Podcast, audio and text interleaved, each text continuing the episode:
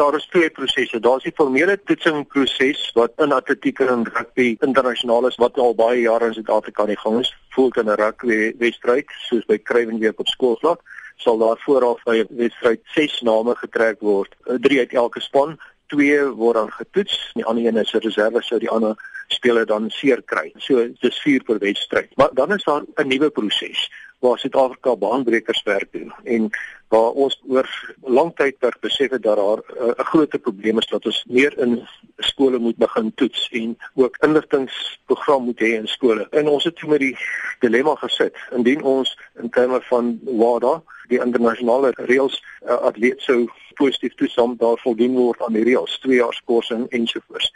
En uh, het ons op 'n bietjie meer eenvoudige stelsel gegaan waar skole 'n kontrak met die Instituut vir Dwelmvrye Sport sluit en waar daar dan inligting verskaf word en waar in konsultasie met die skole seker van die skoolleerders getoets word en dit is selfs skoolleerders wat nie op die provinsiale vlak op 'n hoë vlak deelneem nie. Dis nou alles goed en wel en dit klink baie mooi, maar nou weet ons van skole en veral uh, groot uh, bekende skole se name word genoem wat nie aan die program wil deelneem nie. Strek dit nie die proses, die inisiatief tot nadeel nie.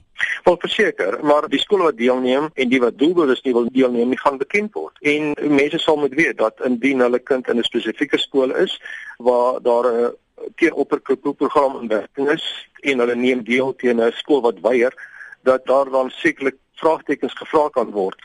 Dit is vir ons jammer dat prominente skole uh, blaatant weier om daaraan deel te neem. Daar is nie wetgewing wat skole verplig om daaraan deel te neem nie. Wat is die redes wat sulke skole aanvoer dat hulle nie deel van so 'n program wil wees nie? Daar's verskeie redes. Eerstens is omdat dit gaan hulle terug na die sport opgekke reëls toe en sê dit is nie in terme van die ware reëls nie. Hulle is heeltemal reg. Maar hierdie is 'n program om die gesondheid van skooliere te bevorder. En ons weet daar's groot geld by betrokke en dat wat gesê word en wat werklike redes agter is. Uh ek dink ons almal weet wat dit is. Sportprestasie is ongelooflik belangrik vir uh, skole om leerlinge om getalle te trek. Wat is die reëls ten opsigte van die toetsing van minderjariges? Die feit dat hulle aan 'n sportdissipline deelneem, beteken dit hulle uh, stel hulle self outomaties beskikbaar om getoets te word of is daar sekere wetlike toestemming wat verkry moet word om dit te kan doen? En dit is nogal 'n warme debat uh, punt op internasionale vlak want dit gaan dan oor die onderskeie grondwetlike bepalinge in verskeie lande uh, ook wetlike bepalinge.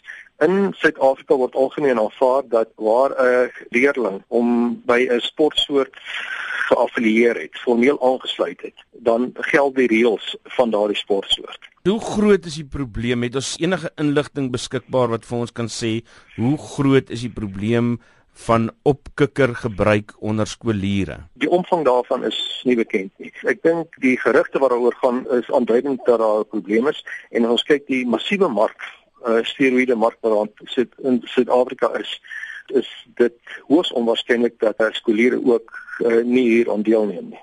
Wat kan anaboliese steroïde aan 'n tienerliggaam doen? Daar's 'n hele reeks van uh, baie nadelige uh, neeweffekte, maar spesifiek na die uh, adolescent gaan kyk, is daar uh, een van die belangrikste uh, impakte is dat die toediening van sintetiese hormone stop die groeiproses van bene. So die die kind eindig dan baie korter as wat hy of sy sou gewees het indien hulle nie polisse steroïde sou gebruik. Baie ernstige akne in in dogters haarverlies.